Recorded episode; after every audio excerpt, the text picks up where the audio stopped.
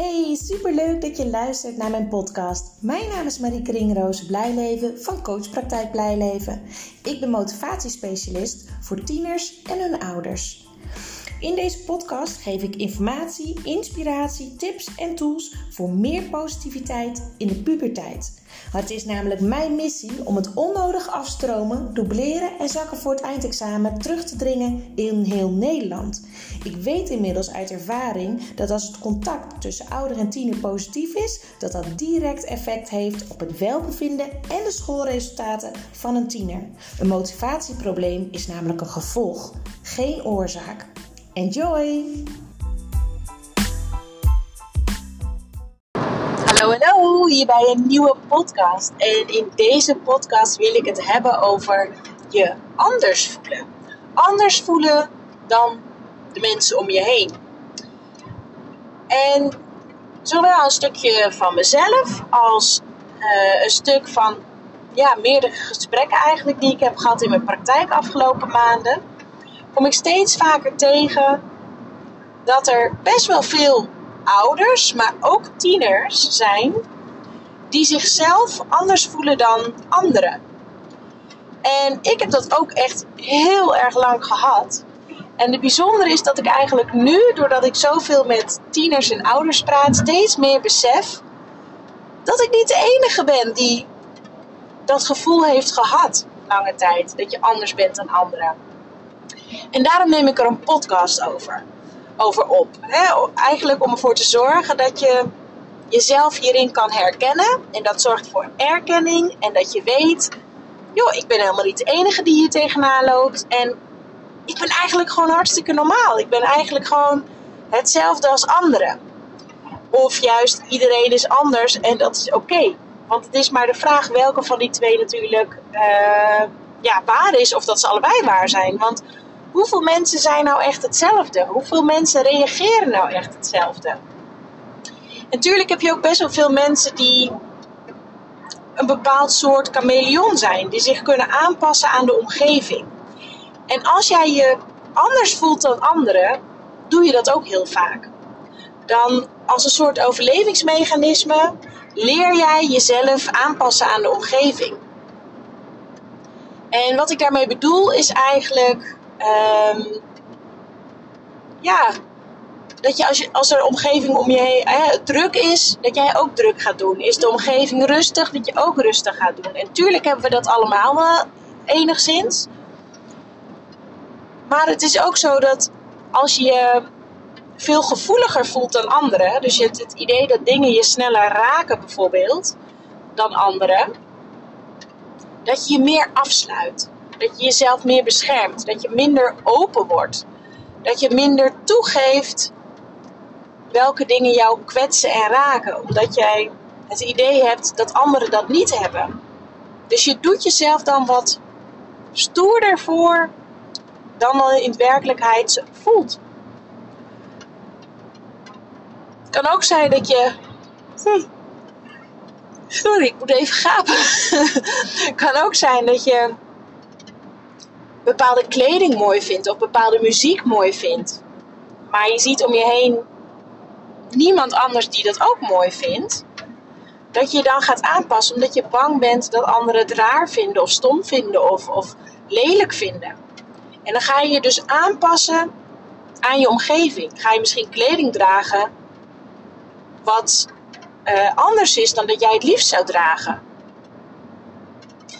En ook met muziek, dat je alleen die muziek luistert als je zeker weet dat niemand anders het hoort.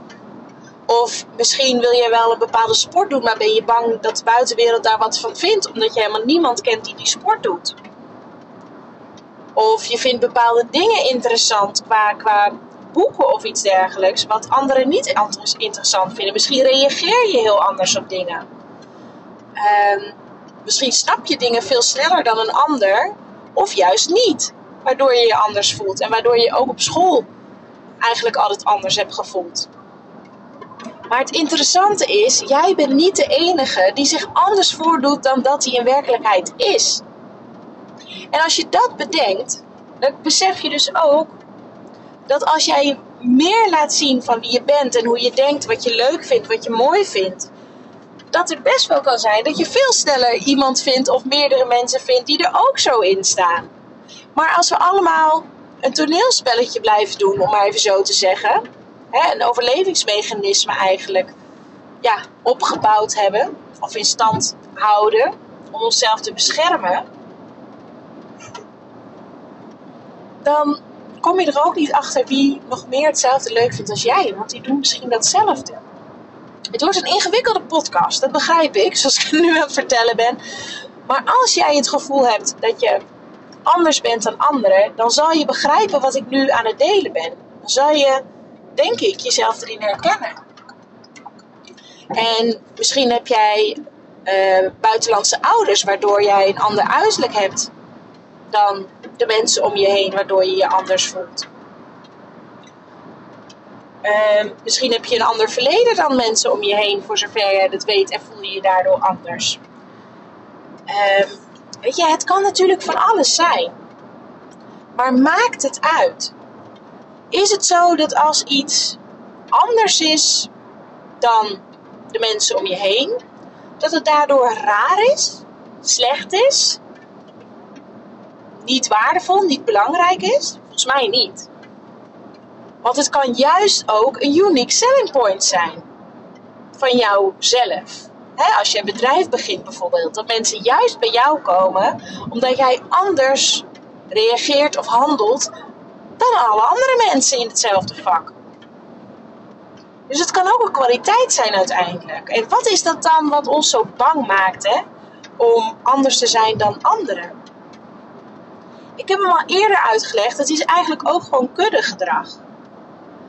Als je bedenkt dat een kudde paarden elkaar beschermt, en als er dan één paard wat langzamer is of niet helemaal bij de groep hoort, dan valt hij buiten de groep letterlijk. En als er dan een leeuw of een tijger komt om een prooi te vangen, zal die die buiten de groep valt als eerste gepakt worden. Want die valt het meeste op.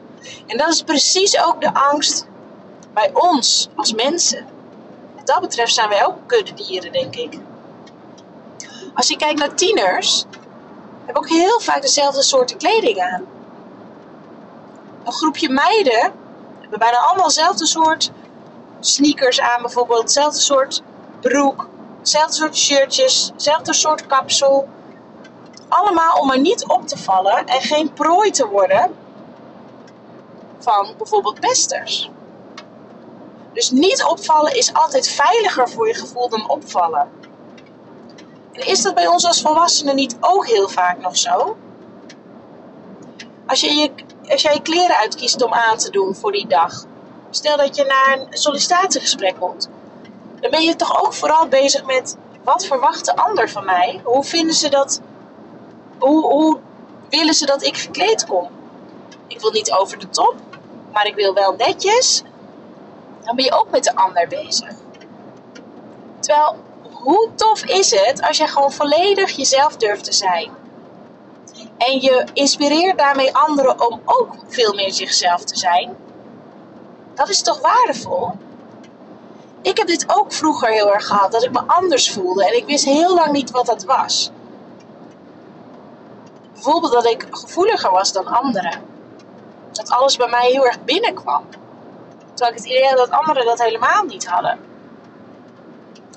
En nou, ik heb al een paar keer genoemd in podcast. Dat doe ik sinds kort pas. Omdat ik me heel lang heb geschaamd voor mijn moeder met psychiatrische problematiek. Dat ik altijd de angst had, als mensen dat weten, dan gaan ze ervan uit dat ik ook zo ben. En dan nemen ze mij niet meer serieus. Dat is een angst geweest van anders zijn dan anderen. Terwijl het interessante is, nu ik erover deel, hè, over mijn, mijn moeder onder andere met psychische problematiek, dat ik steeds meer mensen hoor die aan mij vertellen dat zij ook een, een, een broer, een zus of een ouder met psychiatrische problematiek hebben. En dat ze zich zo herkennen in mijn verhaal. En dat ze ook begrijpen dat je daar bepaalde schaamte voor hebt en dat je dat altijd stil hebt gehouden. Dat ze dat zelf eigenlijk ook nooit met andere mensen delen. Maar waar zijn we nou eigenlijk met z'n allen mee bezig als je hierover nadenkt? Ook als je een andere manier van denken hebt. Nou en? Als jij het fijn vindt om alleen te zijn bijvoorbeeld. En dat mensen dat niet snappen omdat zij heel graag met heel veel mensen om hun heen zijn. Dan hoeven ze dat niet te snappen. Maar ben jij daarom minder leuk of minder waard? Nee.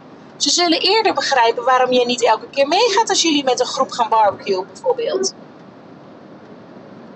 En dat heeft mij nu ook de kracht gegeven om steeds meer open te zijn in mijn podcast, in mijn post.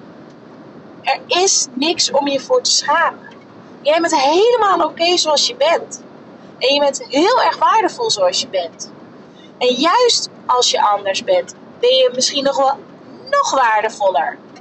Want het is toch helemaal niet leuk als iedereen hetzelfde is en als iedereen hetzelfde denkt. Kies vooral je pad, je eigen pad. En geloof in jezelf. En heb er echt scheid aan als anderen iets raar zouden vinden. Dan is dat niet jouw type vriend of vriendin. Of niet jouw type klant als je een bedrijf hebt. En zo ga ik ook steeds meer denken. En misschien heeft het ook wel met mijn leeftijd te maken. Ik ben nu 40. Dat je wat meer maling hebt aan wat eventueel andere mensen zullen denken. Je maakt de wereld alleen maar rijker door erop te vertrouwen dat je helemaal oké bent. Ik vind jou oké. Ook al ken ik je niet volledig. Maar als ik hoor dat iemand vertelt dat hij vooral bezig is met dat hij, als hij dat en dat gaat doen, dat hij anderen kwetst, probeer ik hem het inzicht te geven. Ja, maar je kwetst jezelf het meest door niet je eigen pad te kiezen. Kies alsjeblieft voor jezelf. En als een ander zich gekwetst voelt, dan zegt dat uiteindelijk ook iets over die ander. Daar heb ik het eerder over gehad. Je kan alleen gekwetst worden als, er een, als jij zelf vindt dat er een kern van waarheid in zit in wat er wordt gezegd. En ik ben echt van mening dat we de wereld een stukje mooier maken door gewoon te zijn wie we zijn. En dat we dat ook aan onze kinderen mogen meegeven. Want als het je lukt om voor te leven jezelf te zijn, dan gaat je kind dat nadoen. Dan hoef je niet meer je kleding aan te passen aan de omgeving omdat je denkt dat ze dat graag willen zien. Dan hoef je niet meer bepaalde kapsels, bepaald werk, bepaalde activiteiten, bepaalde feestjes. Ik vier mijn verjaardag eigenlijk nooit. En vinden mensen raar? Ja, dat vinden mensen. Mensen snappen dat niet altijd. Maar ik hecht daar totaal geen waarde aan. Ik vind het eerlijk gezegd alleen maar gedoe om een verjaardag te vieren. Je moet van alles regelen. Je bent alleen maar bezig met drinken inschenken en lekkere dingen op tafel zetten. Je bent alleen maar bezig of iedereen naar zijn zin heeft. Tenminste, dat is even vanuit mij. Dus ik kies ervoor om mijn verjaardag niet te vieren. Wel met mijn gezin. En familie is ook meestal welkom. Maar ook familie vindt het soms lastig als ik ze niet uitnodig op mijn verjaardag. Dan hebben ze het gevoel, ben ik niet welkom. Je bent wel welkom, maar ik wil niet iedereen tegelijk op mijn verjaardag. Dat hoeft van mij niet. Ik vind het veel fijner om iedereen apart te zien. Dat je veel meer quality time met elkaar hebt. Dat je echt kan bijpraten. En het stuk heel gevoelig zijn, wat bij mij altijd een, een ja, ik zou bijna zeggen gevoelig ligt. um, ik besef nu ook als volwassene dat het helemaal niet gek is dat ik dat heb ontwikkeld. Dat is nu mijn kwaliteit geworden, mijn kracht geworden. Datgene geworden wat ik ontzettend goed kan gebruiken in mijn werk. Ik prik binnen no time door mensen heen. Ik weet wanneer ze niet de waarheid spreken. Ik weet wanneer er wel iets aan de hand is. Als ze zeggen als er niks is. Het is uiteindelijk aan de ander om het wel of niet te delen. Maar die gevoeligheid is super waardevol. Terwijl ik me daar heel lang ongemakkelijk bij heb gevoeld. Dus ik ben heel benieuwd waardoor jij je anders voelt. Is het door je uiterlijk? Is het door een wijnvlek? Is het door een moedervlek? Is het door bepaalde kleur haar, bepaalde kleur huid? Is het eh, doordat je een andere manier van denken hebt? Doordat je andere interesses hebt? Dat je bepaalde dingen niet, uh, ja, niet waardeert waarvan jij het idee hebt dat je het wel zou moeten waarderen? Het zegt meer over een ander dat ze er moeite mee hebben als jij anders bent, dan over jou. Kies je eigen pad alsjeblieft. En wees trouw aan jezelf. En doe dat, geef dat ook mee aan je kinderen. Laat je kinderen weten dat ze oké zijn met hoe ze zijn. En dat je onvoorwaardelijk veel van hun houdt. Mijn volgende podcast gaat over onvoorwaardelijke liefde. De vijf talen van liefde van tieners. Onvoorwaardelijke liefde is houden van zonder dat je uh, zonder dat ze hier er iets voor moeten doen, zeg maar. Je houdt van ze ongeacht hun gedrag, ongeacht hun cijfers, ongeacht hun muziekkeuze. En dat mag je ook voor jezelf doen. Voor je kinderen en voor jezelf. Onvoorwaardelijke liefde. Je bent helemaal oké zoals je bent. Dus anders zijn, ik weet het niet. Ik denk dat het een groter probleem is als je je anders voordoet dan dat je bent. Wees jezelf, laat zien wie je bent en kom ervoor uit en zeg waar het op staat. En zeg wat je wel en niet leuk vindt. Want daarmee inspireer je je kinderen en de mensen om je heen om ook open te zijn. En zich aan te sluiten bij jouw verhaal. Ik hoop dat het mij ook is gelukt om jullie te laten aansluiten bij mijn verhaal. En erkenning te geven. En of herkenning en erkenning.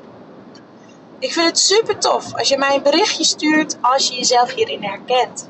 En wat je erin herkent. Laat het me alsjeblieft weten. En uh, ik rond me hierbij weer af. Ik wens jullie een ontzettend fijne week. En je weet het, blijf trouw, blijf trouw aan jezelf en je bent volledig oké zoals je bent. Liefs. doei doei.